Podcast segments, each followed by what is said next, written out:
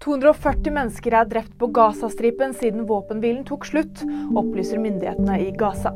I tillegg skal 650 mennesker være såret. Det israelske militæret opplyser at de har rammet over 400 mål på Gazastripen siden våpenhvilen ble avsluttet fredag. Norge bidrar med 270 millioner kroner i klimafond.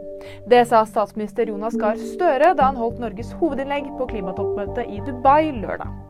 Fondet skal sikre støtte til fattige land som rammes av klimakatastrofer. Snø skaper store problemer i München. Natt til lørdag har det snødd kraftig i den tyske byen, og politiet oppfordrer folk til å holde seg hjemme.